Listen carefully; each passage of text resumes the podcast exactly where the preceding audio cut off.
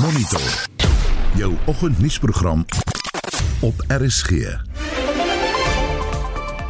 In die volgende uur watertoevoer na groot dele van Johannesburg word tot Vrydag onderbreek. It forms part of the overall maintenance strategy where we are replacing, refurbishing various plants.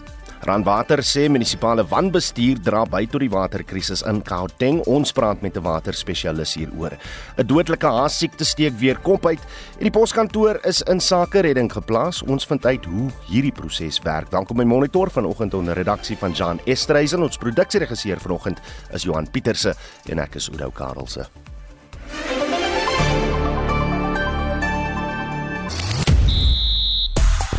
Die Springbokke en Cheetah speler Frans Steyn kondig sy uittrede aan. Makliker toere vir die Suid-Afrikaanse franchises in die Verenigde Rugby Kampioenskap en twee verrassings in die Wimbledon tennistoernooi se kwartfinale. Ek is Shaun Schuster vir RSG Sport. Ons so gepraat van Wimbledon, hy is vanoggend in Suid-Afrika baie gewilde hits. Merk nie net omdat ons nou die halfeindstryd begin betree nie, maar omdat Novak Djokovic wat nog goed op dreef is, na sy kwartfinale oorwinning gesê het, hy weet al die mans in die kompetisie beoog om ontslae te raak van hom, maar dat dit net nie gaan gebeur nie. Nou party Suid-Afrikaners voel die antwoord was bietjie arrogant, terwyl ander hom loof vir sy eerlikheid en selfvertroue. Hoe voel jy? Oor die stelling en oor Novak Djokovic. Die video van Djokovic is 57000 keer uh, in Suid-Afrika gedeel. Nou die waterverskaffer Randwater het gisteraand soos ons nou almal weet met dringende instandhoudingswerk kan sy netwerk begin. Watertoevoer gaan in sommige dele van Johannesburg vir minstens 58 uur onderbreek word.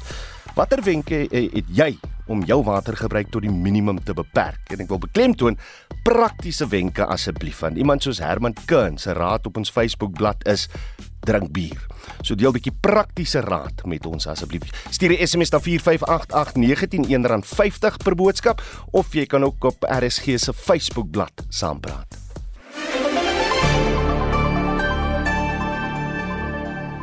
Dis 10 minute oor 6. Die grootmaatverskaffer Randwater sê verbruikers in Johannesburg kan moontlik vanaf 5 uur Vrydagoggend na die voltooiing van instandhoudingswerk steeds geen of lae waterdruk ondervind. Randwater het gisteraand 'n onderbreking in watertoevoer van 58 uur ingestel om onderhoudswerk aan infrastruktuur te doen. Winsin Mofokeng het meer besonderhede. Watertoevoer na gebiede soos Rodepoort, Randburg, die Johannesburgse middestad Enedale en Soweto sal onderbreek word. Boonop waarsku Randwater dat sommige inwoners van die Rustenburg plaaslike munisipaliteit, Mogale City plaaslike munisipaliteit en die Randwes plaaslike munisipaliteit wisselvallige water toevoer tydens die onderhoudswerk kan ervaar. Randwater se woordvoerder, Makinosi Maro, sê die instandhouding van infrastruktuur is noodsaaklik.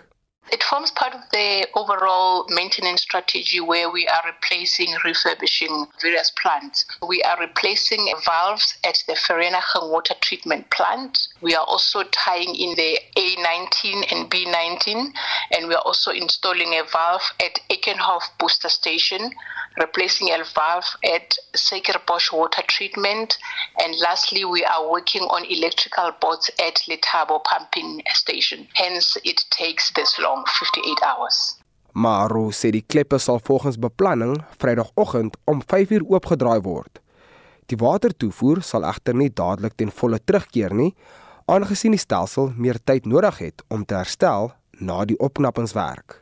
What we're saying is the system will take full two weeks to fully recover. The water will resume slowly. In areas where there is no water completely, we have given municipalities ample time to make the necessary arrangements. Should there be a need for them to dispatch tankers? So, is there a possibility that come Friday morning, some areas may still not have access to water? There is a possibility depending with the high lying areas and low lying areas. That's where the municipality comes in. But at 5 a.m., we will be done as rainwater and we will start opening the valves so that water can start going through to various municipalities. Watertankers sal in die geaffekteerde gebiede ontplooi word en alternatiewe watertoevoer sal vir nabygeleë hospitale, klinieke, skole, munisipale kantore, polisiestasies en winkelsentrums gereël word die verslag deur Probashni Mudli. Ek as Vincent Mufokeng vir SAI Garnis.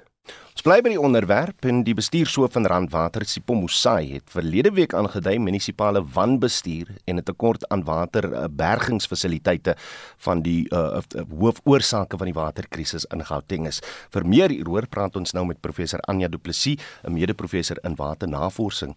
Uh, uh of sy is 'n uh, waternavorsingsspesialis aan Unisa. Anja, goeiemôre. Goeiemôre. Na na aanleiding van wat Sipho Musai gesê het, uh, kon hierdie instandhoudingswerk eintlik stelselmatig met ter tyd gedoen word. Hoekom is dit nie gedoen nie? Wel dit moes gedoen word oor die afgelope paar veral die afgelope 2 dekades. Ongelukkig was dit nie gedoen nie want uh, munisipaliteite en sovoorts het net nie van die geld uh, ordentlik gebruik gemaak nie en hulle het ook net nie um, instandhouding gedoen nie. As ons kyk na die bloeddrop en die groendrop verslae wat nou vrygestel is, is dit ook nie uh, iets wat ons moet verbaas wees oor nie. Ehm um, as die departement van waterwese nie eens 'n reaksie kan kry van 50% van munisipaliteite in terme van dat hulle water um, bestuur en so aan swak is nie. So dit lyk vir my asof vir die afgelope 2 dekades het ons ongelukkig ehm um, sit ons nou in Johannesburg met 'n uh, ongeskikte buffer kapasiteit wat beteken dat ons het nie genoeg storings um, fasiliteite soos watertorings en reservoirs om um, die publiek met water te toevoer wel um, sulke gebeure gebeur nie. Ons departement van samewerkende regering moet ook seker verantwoordelikheid neem hiervoor. Verseker, ek meen uh, water is 'n komplekse um, issue. Dit is nie net een departement waarna ons die vinger kan wys nie. Is baie maklik vir randwater om ook vinger te kan wys in die aan die munisipaliteite.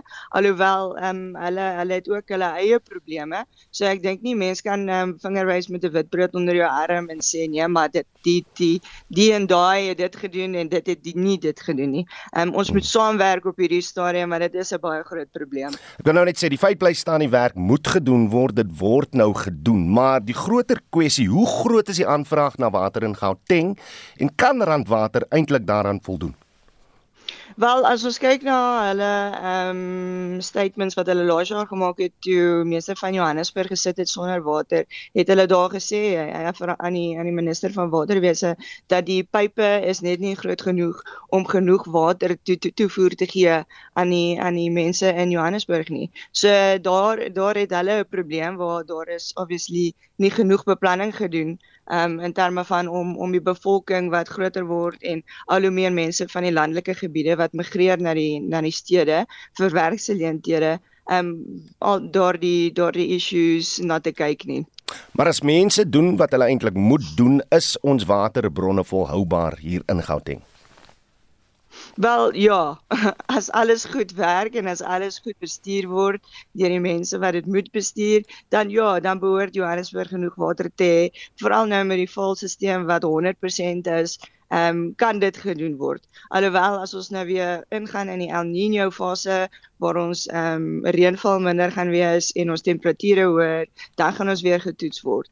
En dan moet die munisipaliteite as ook randwater hmm. moet dan kyk na hulle bestuurswyse en dan opkom met planne voordat ons weer sit met so 'n situasie waar mense se krane leeg is. Het beerkrag nog 'n groot impak op uh, Gauteng se waterkrisis? Verseker want dit impakteer ons ehm um, infrastruktuur. Ons infrastruktuur is maar nou net nie gemaak om aan en af te sit nie. Ehm um, die siviele siviele ingenieursorganisasie het laas jaar ook gesê dat hulle klassifiseer Suid-Afrika se infrastruktuur 'n D. Nou die ergste kan wees 'n E. Nou 'n D klassifikasie beteken dat weet ons ons infrastruktuur is besig om te verkrummel. Ons is darm nog nie op die heeltemal verkrummel fase nie, maar dit is 'n groot groot probleem en daarom doen Randwater iets, maar soos jy sê, ek meen ons sit vir die afgelope 2 dekades sonder enige onderhouding en nou sit ons met 'n bottleneck. En dit was professor Anja Du Plessis, mede-professor en en waternavorsingsspesialis verbonde aan Unisa. Die Trust vir Bedreigde Natuurlewe is bekommerd oor die hemorragiese haas-siekte wat tans in Nysna en die Wes-Kaap of in die Wes-Kaap en in die Langkloofgebied in die Oos-Kaap versprei. Ons praat nou met Bonnie Skieman, die Namakoro koördineerder van die EWT. Bonnie, goeiemôre. Goeiemôre, hoe gaan dit? Nee, dit gaan goed, maar uh, hoeveel nuwe gevalle van die haasiekte is nou aangemeld? Daar's ongeval 4 verskillende plekke waar dit aangemeld is. Ehm um, maar met 'n hele klompie op hierdie oomblik is dit meestal uh, wilde konyne. Mense se troeteldiere wat rondloop het wat ehm um, dood is. En daar is een geval ook nou in Gauteng wat aangemeld is in laaste paar dae. Hoe hoe aansteeklik en dodelik is die siekte vir die hase?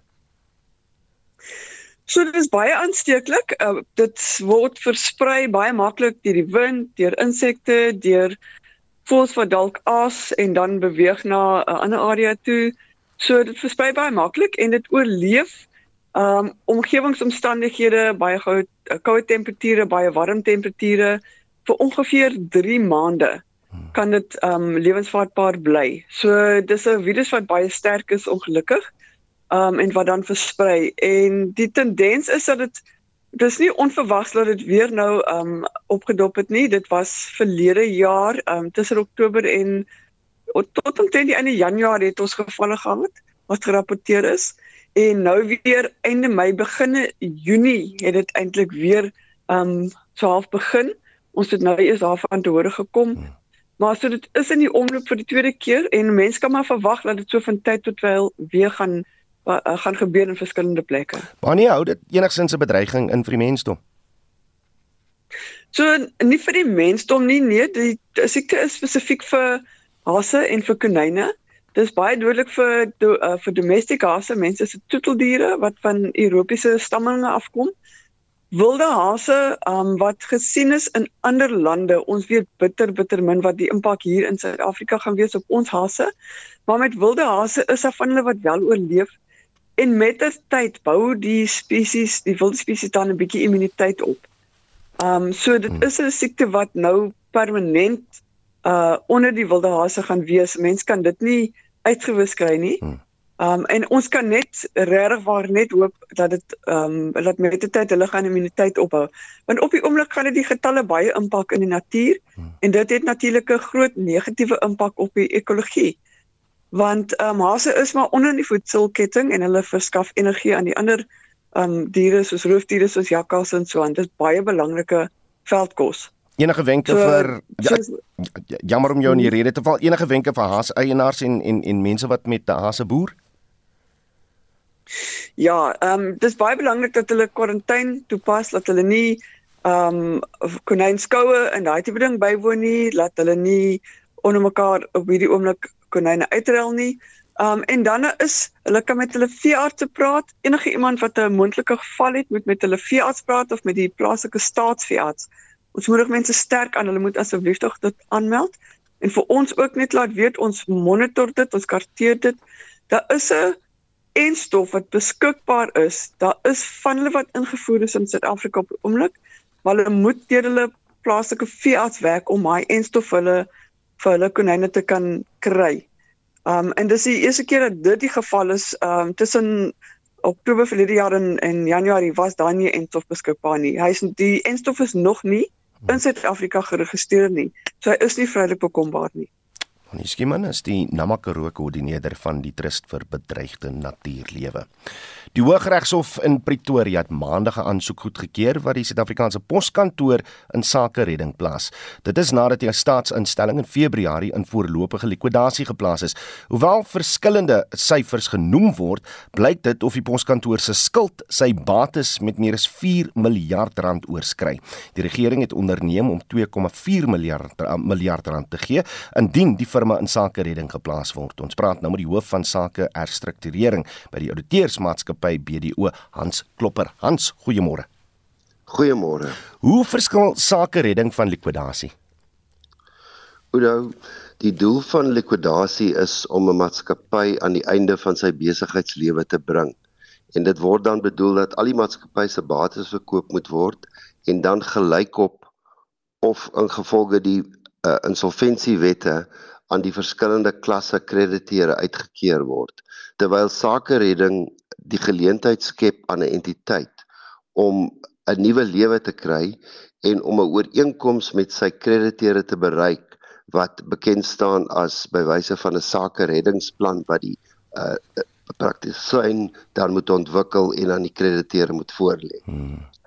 Die die staatsinstelling is voorlopig gelikwideer soos ek nou in die inleiding gesê het nadat dit in Februarie deur eh, twee krediteure gedagvaar is. Is die proses dan nie 'n verke bietjie verkeerd omgedoen nie? Sou sou dit nie beter gewees het om die poskantoor eers in sake redding te plaas voor dit in voorlopige likwidasie geplaas is nie? Wel, dit hang af van die doelwit wat die twee krediteure gehad het. Die twee krediteure het 10 teen 1 'n uh, poging aangewend om hulle skuld in te vorder en gewoonlik is dit wat dan lei tot 'n likwidasie.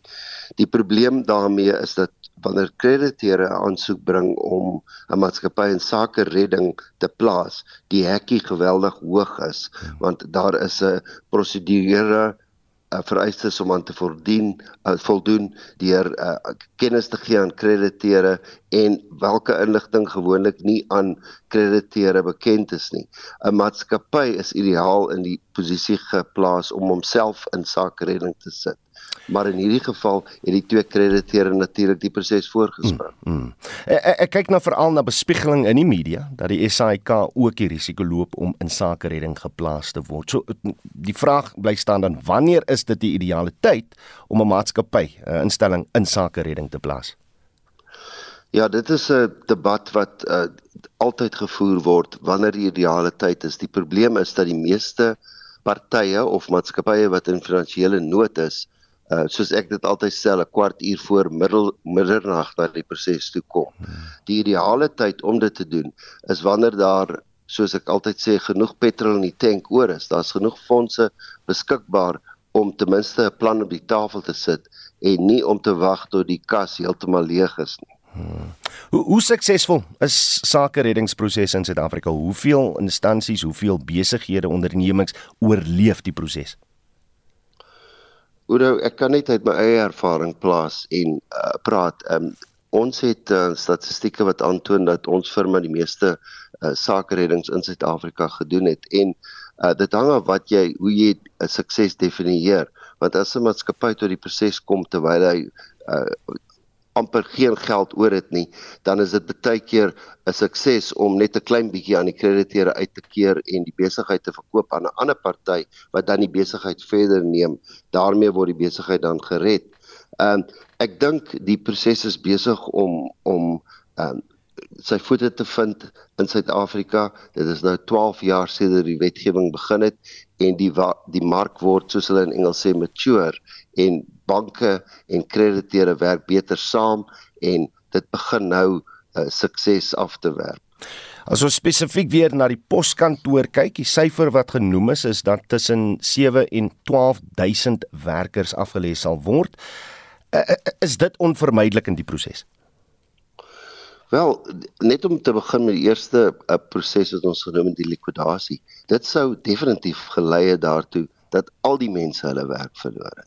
So as sake redding daarin slaag om sê die helfte van die mense se werke te behou, dan beskou ek dit as 'n sukses want uh, likwidasie uh, het definitief tot gevolg dat alle werke uiteindelik verloor word. So ja, dit is 'n proses wat sal ontwikkel. 'n Mens weet nie wat die uh, sakereddingspraktisyns in die vooruitsig gaan stel uiteindelik nie, maar as soos ek sê, 'n gedeelte van die werkers hulle werk behou, dan is dit substansieel beter as wat almal afgedank word. Hans Klopper, dankie vir jou tyd op Monitor. Hy is die hoof van sake herstrukturering by die Outeursmaatskappy BDO.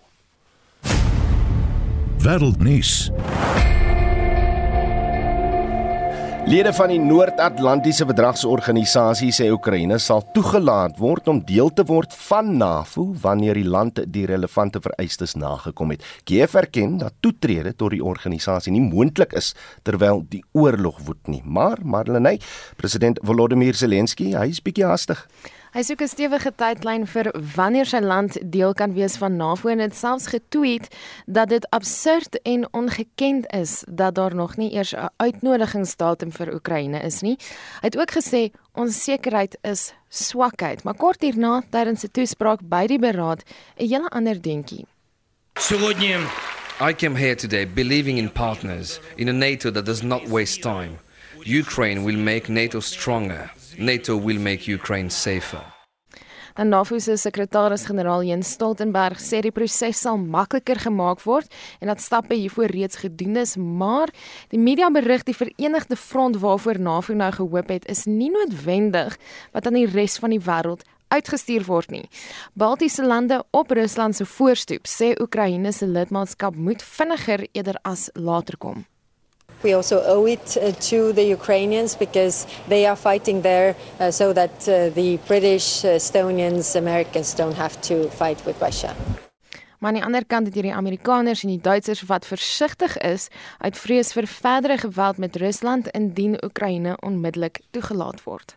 This is not a competition who's at what moment at uh, what point. The most important thing is that we are all increasing our military support for Ukraine. Tog sê een Rezinski, voormalige adjunkminister van verdediging vir Europa en NAVO-beleid, hy dink die sogenaamde onenigheid waaroor daar in die media gepraat word, word oordryf. So far, the summit has been a success for the alliance. It's basically gotten Sweden over the hurdle to become the next NATO member. That locks in the Baltic Sea, brings in the transatlantic member. The alliance is taking steps to reinforce its eastern frontier and it demonstrated unanimity in its support to help Ukraine defeat Russia's invasion. Even for Ukraine, this was a step forward. They didn't get the invitation. But if you look beyond the communique, this summit is unique because we've had unprecedented support within the alliance for Ukraine's membership aspirations. Die beraad hier voort en ons hou verwikkelinge dop. Dit is omtrent alwaaroor daar vanoggend gepraat word. Mm, maar ek sien ook Noord-Korea intussen weer missiele afgevuur en dit is vermoedelik interkontinentale missiele.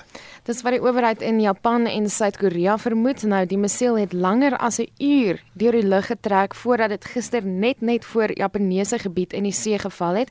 Dit volg op 'n waarskuwing uit Pyongyang na beweringe dat Amerikaanse spioenvliegtye in Noord-Koreaanse lugruimte gesien is en die land het vroeër die week gedreig dat hy die vliegtye gaan afskiet. En dit dan Marlene Forsie met 'n oorsig van wêreldnuus gebeure. Jy luister na Monitor. Elke weekoggend tussen 6 en 7. 6:30 het hier is wat voor lê in die res van die program. Suid-Afrika het onlangs goud by die skaapskeer wêreldkampioenskap in Skotland verower. Ons vertel jou meer oor die sport en die impak van aanvalle op vragmotors op die ekonomie en landbou is in die kollig. Bly ingeskakel hier op Monitor.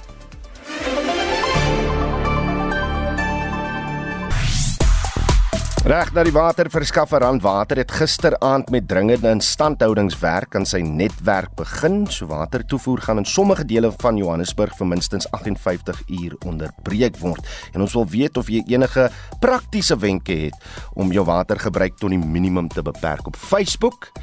Dis nou nie die mees praktiese wenke op aarde nie, maar uh Madeleine Oberholse, hier's bietjie praktiese uh, uh raad sê vir kos, maak braai of air fry, gebruik papierborde. Dirkie Miller sê bly in Suid-Afrika, water is af, krag is af, kos uh, kos toevoer is af, petrol is op en uh eet krieke omdat koeikoppe die klimaat bedreig. Indien jy nog mag asemhaal, doen dit in 'n glas sodat jy die vog in jou asem kan drink. Nou weet jy hoe prakties dit is nie, maar as jy kyk na die SMS lyn, kom ek kom net vinnig daarby uit. Um om te stort gebruik baie minder water as om te bad. Mense wat nie 'n stort het nie, kan selfs 'n plastiek kamp stort gebruik. Ja, ek het van daai gesien. Uh en dan oor die geopolitiek sê anoniem met Vladimir Putin wil meer weet oor die Russe se geskiedenis rondom die Tweede Wêreldoorlog toe Rusland alleen gestaan het teen Nazi Duitsland en al verslaan het. Miljoene Russe het hulle lewens verloor. Dis nou net uh, 'n uh, mening wat daar gedeel is met ons. En uh, Johan van van Pretoria sê môre as ek 'n uh, bad in my huis het, sou ek die bad vol water getap het en uh, net die possibles, soos hy sê, gewas het. Wel dankie Johan, dankie aan die res van die luisteraars, maar as jy enige praktiese wenke het om uh, watergebruik tot die minimum te beperk, stuur 'n SMS na 4588919 R50 per boodskap. Jy kan ook lekker uh, saamgesels op RSG se Facebookblad. Reg is nou tyd vir uh, die jongste sportnuus, maar voor ons by Shaun Jooste uitkom gister se groot storie natuurlik is Caster Semenya se oorwinning in die Europe Europese Menseregte Hof wat beslis het uh, dat haar menseregte nie beskerm was deur die Hof vir Sportarbitrasie en 'n spesiale tribunaal in Switserland beslis het. Dis reg om haar en ander atlete met DSD te verplig om hormoonbehandeling te ontvang om haar natuurlike testosteroon vlakke te beheer uh, wêreldatletiek se reaksie op die hofbeslissing is dat hulle op hierdie stadium nie die reëls gaan verander nie. So Semenya kan nog steeds nie aan die 400 en 800 meter deelneem nie. In van die ander groot sport hooftrekkers Frans Steyn nou uiteindelik uit die sporte hy het gister aangekondig dat hy gaan uittreë dit nadat uh, 'n uh, kniebesering sy planne vir die uh, volgende twee seisoene gekniehalter het. Hy het natuurlik weer aangesluit daarby die Cheetahs, maar ongelukkig gaan hy nou nie meer aan speel nie. Uh maar ons sien hom wel op die televisie. Hy's mos nou omroeper en ontleder by uh, een van die groot kanale. Reg, Shaun Jooste kan ons nou ongelukkig nie by uitkom nie. Uh, ons kry hom nie in die hande nie. So, ehm um, ons sal later natuurlik weer in Spectrum of volledige sportbulletin aan julle bied, maar ons wil wel bietjie gesels oor skaapskeer, want soos ek gesê het, Suid-Afrika het eh, 'n uh, goue medalje verower in skaapskeer. Uh Suid-Afrika het op die 25ste Junie goud in die lem span kompetisie by die skaapskeer en wolhantering wêreldkampioenskap in Skotland verower en ook met goud en silwer in die individuele afdeling weggestap. Nou Bonile Rabelle en uh, Zwela Makosi Mbuweni het Suid-Afrika daar verteenwoordig. Ons praat nou met Nelmarie Kaldo, eienaar van Love Wool Skeerdiens waar Rabelle en Mbuweni vir die laaste 7 jaar werksaam is. Nelmarie, goeiemôre, welkom by Monitor. Môre Oudo, baie dankie. Ek is seker is baie van die luisteraars wat nie eens geweet het skaapskeer is 'n eintlike kompetisie of sport nie, maar die wêreldkampioenskap is nog 'n groot geleentheid. 31 lande het in Skotland meegeding en lande soos Australië, Nieu-Seeland, Engeland en Wallis is nogal ernstig oor hulle skaapskeer, nie? Dis reg Oudo, um, ek dink in die buiteland is hulle al meer gewoond aan aan skeer as 'n sport. In Suid-Afrika is dit nog nie so wel bekend nie. Ehm um, maar ja, die, die en die en die Wallisers kyk jy, hulle het gegaan om om te wen, hoor. En dan is Nieu-Seeland baie kompeterend veral in die handskeer. Hulle probeer ons altyd 'n bietjie van 'n druk gee. nou, praat bietjie oor Rabella en Bueni. Hulle het goud in die span en toe goud en silwer in die in die individuele afdelings verower. As jy terugkyk na toe hulle by jou begin werk het, toe uh, tot wêreldkampioene. Hoe hard moes hulle werk om om dit tot hier te maak?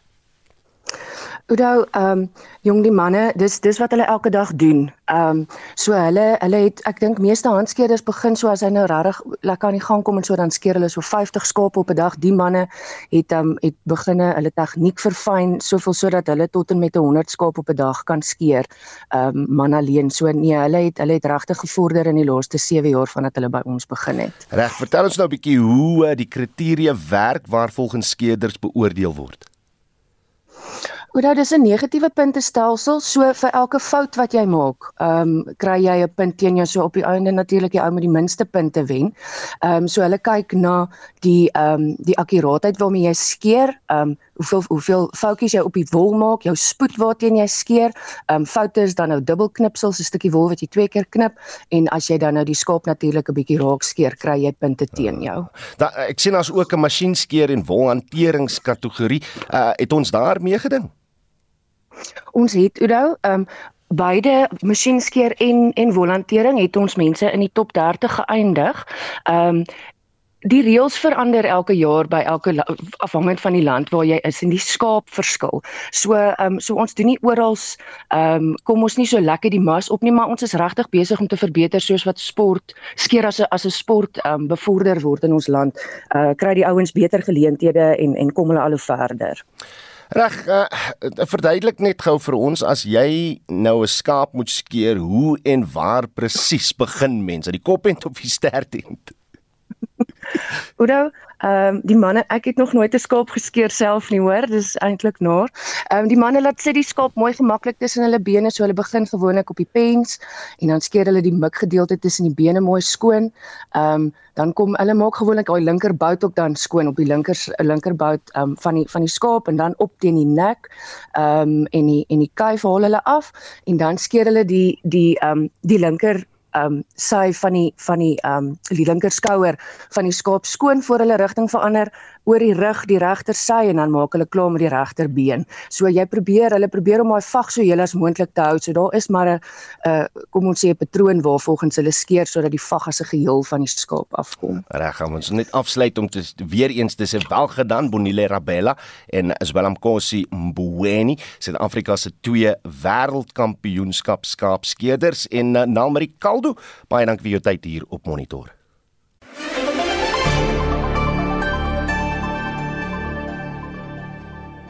Daar was die afgelope ruk 16 vragmotors wat op ons paaie aan die brand gesteek is. Die eerste voorval was Sondag aand of Sondagoggend liewer by Van Renenspas op die N3 in KwaZulu-Natal. Toe ses vragmotors aan die brand gesteek is en nog 5 maandag op die N4 roete naby Waterval boven in Mpumalanga. Boonop is 3 vragmotors maandag aan die brand gesteek op die R574 wat Leidenburg in Mpumalanga met Sekhukhune in Limpopo verbind.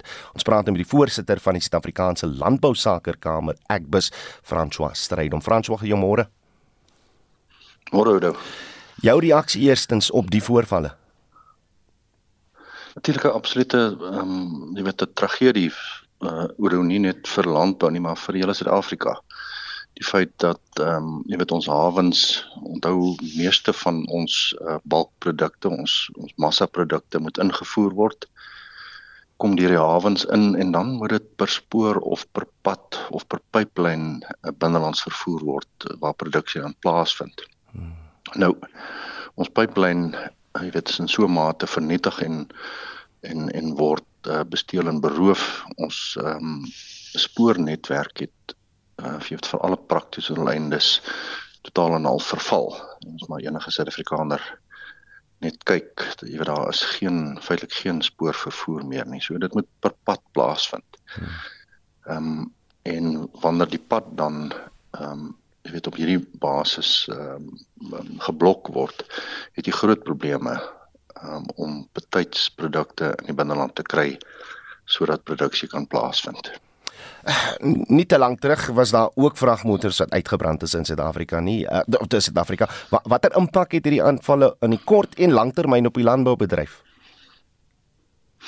Kyk in korttermyn Oudo is is ehm um, jy weet op 'n daaglikse basis word heel goedere ingevoer. Trekkers stroopers spuite ehm um, daai vertraging. Want die oomblik as dit gebeur hou almal terug. Hulle wag eers dat die proses normaliseer voordat hulle dan weer aangaan. So op die kort termyn kom goed nie in nie. En jy kan nie wanneer jy so Suid-Afrika afhanklik is van invoere dit vinnig in 'n paar dae doen. Hierdie goed is is maande vooruit ge, ge, geskeduleer om in te kom want dit is massas wat moet inkom. Onthou kunsmis, ehm um, chemikalieë, ehm um, brandstof nou. Alles moet as reeds vervaardigde produk of halfvervaardigde produk in sommige gevalle ingevoer word in die land in. So dan kan produksie doeteenvoudig nie betyds plaasvind nie. Veral weet ons mees basiese um stapelprodukte waarop die Suid-Afrikaanse bevolking staat maak. Hmm. So in die geval grane, want dis waar die koolhidrate hulle energiebron vandaan kom en dan basiese proteïenproduksie soos byvoorbeeld hoender. Weet so as daar nie voldoende graan geproduseer word nie, dan kan jy nie voldoende en betyds hoender produseer nie. So dit word aan albei kante, um, jy weet, word dit op die mees basiese vlak dan um, onderdruk. François, wat sê jou lede tans hierdie hierdie huidige aanvalle is dit iets wat teweeggebring het dat hulle nou weer eens produkte terughou? Wat die die die probleem ehm um, hoe is dit jy weet jy, jy word deur nie net hierdie is maar een van die aspekte waarmee besighede wat in in ons uh, kring is gekonfronteer word. Hulle het op 'n daaglikse basis sekuriteitmoontlikheid. Hulle het op 'n daaglikse basis kragmoontlikheid.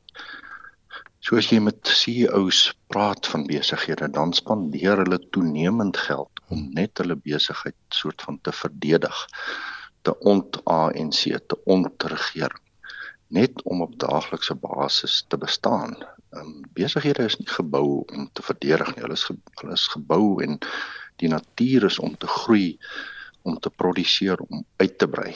Um, en hoe, hoe meer jy verdedig, hoe minder tyd en kapasiteit het jy om aan te val en te groei. En dan begin jy weet al meer goed onder druk te kom. Hmm. So hierdie is 'n stadige proses van verval wat ehm um, weet ons moet maar nie meer naïef wees daaroor.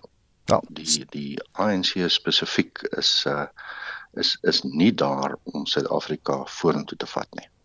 Hulle stans wel nog die regering so 16 vragmotors later. Wat is Agbus se verwagting ten opsigte van die ingryping wat van die regering moet kom in hierdie situasie?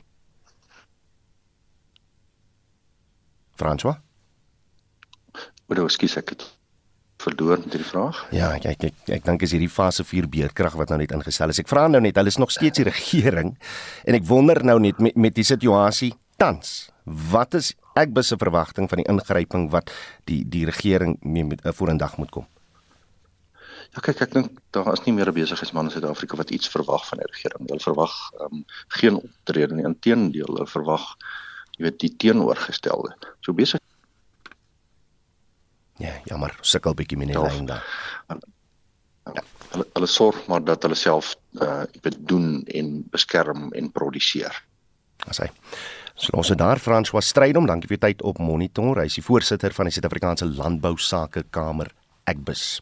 Ons bly by die storie. Kundiges glo die onlangse aanval op vragmotors op 3 van Suid-Afrika se belangrikste roetes is 'n slag vir sake vertroue en sal die ekonomie benadeel. Dit is nadat se eh, president Cyril Ramaphosa die ekonomiese of liewer die gevalle ekonomiese sabotasie genoem het. Ons praat nou met 'n besoekende professor aan die Wits Sakeskool, Jannie Rousseau. Jannie, goeiemôre. Goeiemôre Oudo en goeiemôre aan die luisteraars. Is die president reg? Is dit ekonomiese sabotasie? Ja, Oudo, die president is ongelukkig reg uh, en ek stem natuurlik 100% saam met alles wat François nou net hier voor my gesê het en François die ekonomiese sabotasie baie mooi verduidelik in die konteks van die landbou. So die president is reg om te sê dis ekonomiese sabotasie, maar nou sal ek natuurlik van die president wil hoor en wat gaan hy hieraan doen? Hmm. Miskien moet iemand van 'n memorandum stuur en sê meneer Ramaphosa, let asseblief op U is die president van Suid-Afrika doen iets want dit help nie die man sê dit en niks gebeur nie. Intussen sien ek na sekere vervaardigers wat nou reeds kyk na ander roetes om om by die res van Afrika uit te kom. Uh, dit skaad sake vertroue, Danny. Ja natuurlik, uh sake vertroue is baie belangrik en wat ons toenemend gaan sien is dat invoerders hawens buite Suid-Afrika gaan gebruik om produkte in te bring byvoorbeeld Maputo se hawe hmm. en op daardie stadium uh vervoer deur Suid-Afrika gaan uitskakel. As sulke insidente in Suid-Afrika plaasvind, gaan markkragte eenvoudig reageer en gaan hawe verkeer uit Suid-Afrika uitbeweeg wat op alle vlakke baie sleg vir die land is. Watter ander nadele hou dit in vir ons ekonomie Jannie? Dit gaan natuurlik 'n kosteverhoging die effek reg oor die waardeketting hê wat tot hoër inflasie kan lei, hoër pryse vir verbruikers wanneer ons finale goedere en dienste aankoop. Want as uh byvoorbeeld daar meer privaat sekuriteit nodig is, het dit 'n kosteverhogende effek en dit gaan op die verbruiker afgewentel word. Hmm. So dit kan inflasie langer hoog hou en dit kan tot duurder produkte vir verbruikers lei. Dis bietjie onmoedigend om te hoor hoe ek besê hulle verwag absoluut niks van die regering nie.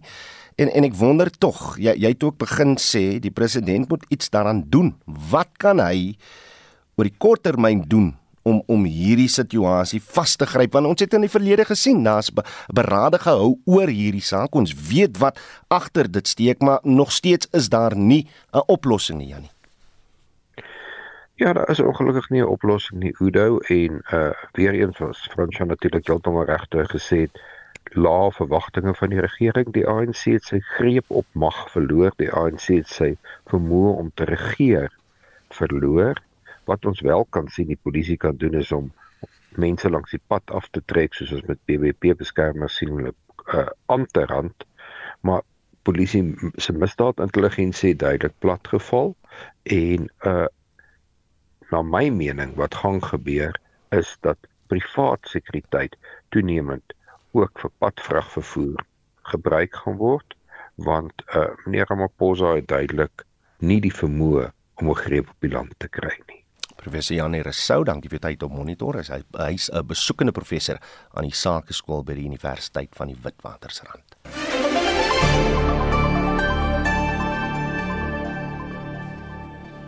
Die DA en die IFP in KwaZulu-Natal het 'n diensleweringsooreenkoms onderteken in Durban. Leiers van beide partye sê die ooreenkoms is daarop gemik om dienslewering in munisipaliteite in die provinsie te verbeter. Justin Kennerly berig. Die partye sê hulle onderhandelinge agter die skerms het 6 maande geduur. Beide partye sal nou saamwerk met rade waar hulle setels in munisipaliteite het waar daar nie 'n volstrekte meerderheid is nie. Die voorsitter van die IFP in KwaZulu-Natal, Tammy Ntuli, sê die ooreenkoms spruit uit sukses wat die twee partye se samewerking intussen verkiesings opgelewer het. Ntuli sê die IFP en die DA deel 'n verbintenis om dienslewering te verbeter. The Democratic Alliance and the Inkatha Freedom Party in KwaZulu-Natal have come together to sign a historic service delivery pact between the two parties. This agreement which has been six months in the making and follows from our successful cooperation in by-election to win ward from the ANC will ensure that where each party holds seats in a hung municipality, we will work together to improve service delivery and better the lives of residents. The IF and the DA share a strong commitment. We are also parties of government that govern in various local municipalities across the country. Die provinsiale DA-leier, François Rogers, sê al ooreenkoms met die EFF sal bestendigheid in sommige munisipaliteite bring. There can be no doubt that the ANC has wrecked local government across KwaZulu-Natal and it's up to the IFP and the Democratic Alliance to restore faith and trust in the political process. That is why we believe we are able to come together and put the interests of the citizens of this province first. This shared agreement is a major turning point in our province and will bring much needed stability to a number of municipalities where the IFP and the DA work together. Some of the key objectives of this agreement include ensuring that communities have access to basic service delivery. Rogers en Ntuli beklemtoon egter dat beide partye hul identiteite behou. This is a cooperation agreement. It's not any coalition that's been formed. There are challenges in municipalities across the province and across all parties. Part of the reason for us putting together the Service Delivery Pact is that where either party finds there is challenges, it gives us a way forward of trying to address those challenges. We've already had engagements with the IFP, the IFP with us, and we've tried to resolve matters. The DA will always remain its identity. On the issue of the identity, the IFP is a party on its own. Here we're just signing a working arrangement. And this working arrangement is directed to the municipalities. It's about the municipalities where we are on a coalition. But we'll be campaigning as the IFP, will be having our own manifesto, our own campaigns. And this is about the current arrangement, municipalities is not about 2024. We have not engaged with any party as the IFP. Die partye sê hulle sal verseker dat hulle raadslede die ooreenkoms verstaan en hul pligte uitvoer. Die verslaggewer Nkololeko Globe en ek is Justin Kennerly. En ons sluit af met rugby want die Springbokke gaan Saterdag die uh, grof geskit inspan in hulle rugby kampioenskap wedstryd teen die All Blacks in Auckland. Die hoofafrigter Jacques Ninaber het 10 van die 14 spelers wat verlede week reeds in Nieu-Seeland gereis het of na Nieu-Seeland gereis het in sy groep van 23 insluit. Die slot Ebenetsebeth het van sy skouerbesering herstel en sal die span in die afwesigheid van Siya Kolisi aanvoer. Elise Olivier berig. Nege spelers wat vroeër in Nieu-Seeland aangekom het, is in die beginspan ingesluit. Hulle is onder meer Etsebet en sy slotmaat Lode Jager, sowel as die los trio Kwagga Smit, Franco Mostert en Jasper Wiese. In die voorry gaan Steven Kitshoff, Bonkie Mbonambi en Frans Malherbe, wat al drie teen Australië uitgedraf het, weer speelkans kry, terwyl Melke Marks op die bank gaan begin. Agterlangs gaan Makazole Mapimpi en Cheslin Colby op vleuel diens doen, terwyl Damian Dalende en Lucanio Am as senterpaar sal uitdraf.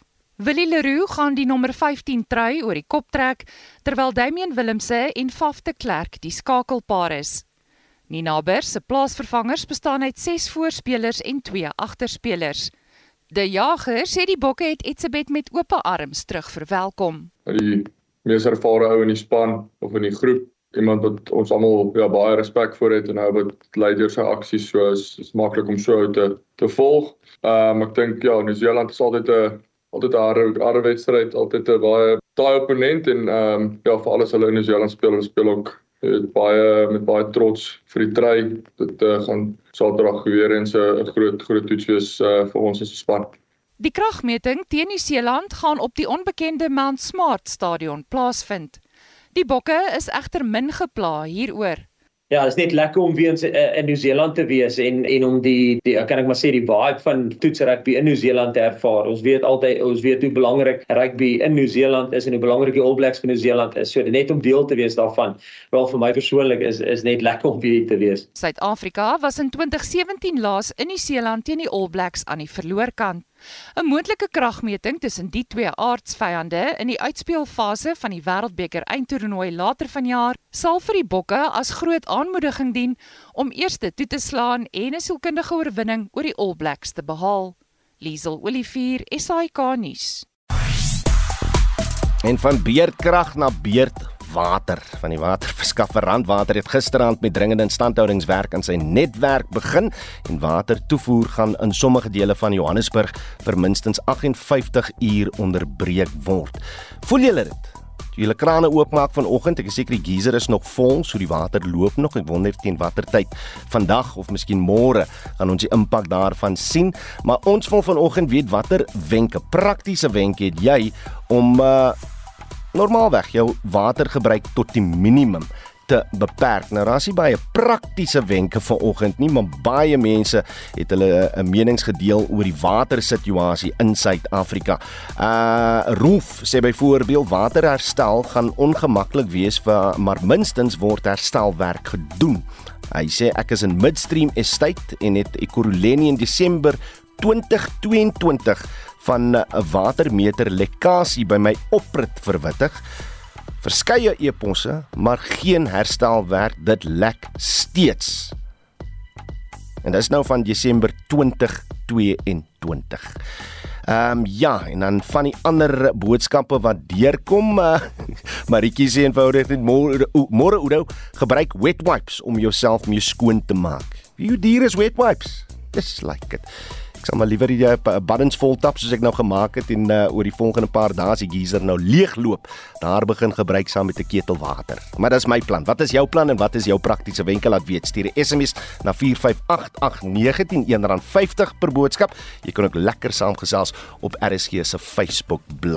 Onthou vorige uitsendings van al ons nuusaktualiteitsprogramme is as 'n potgooi beskikbaar op RSG se webtuiste. Gaan net na www.rsg.co.za om dit daar te luister. En onthou ook om in te skakel vir Spectrum tussen 12 en 1 vanmiddag vir nog nuusaktualiteit. Dis ook brandpunt, 'n brandpunt omstreeks kwart voor 6 vanmiddag. Ons groete namens ons uitvoerende regisseur Nicoline de Wee, die redakteur vanoggend was Jean Esterhuizen, ons produksieregisseur Johan Pieterse en ek is Oudo Karels. Geniet jou dag in die geselskap van RSG op en wakker is volgende. Totsiens.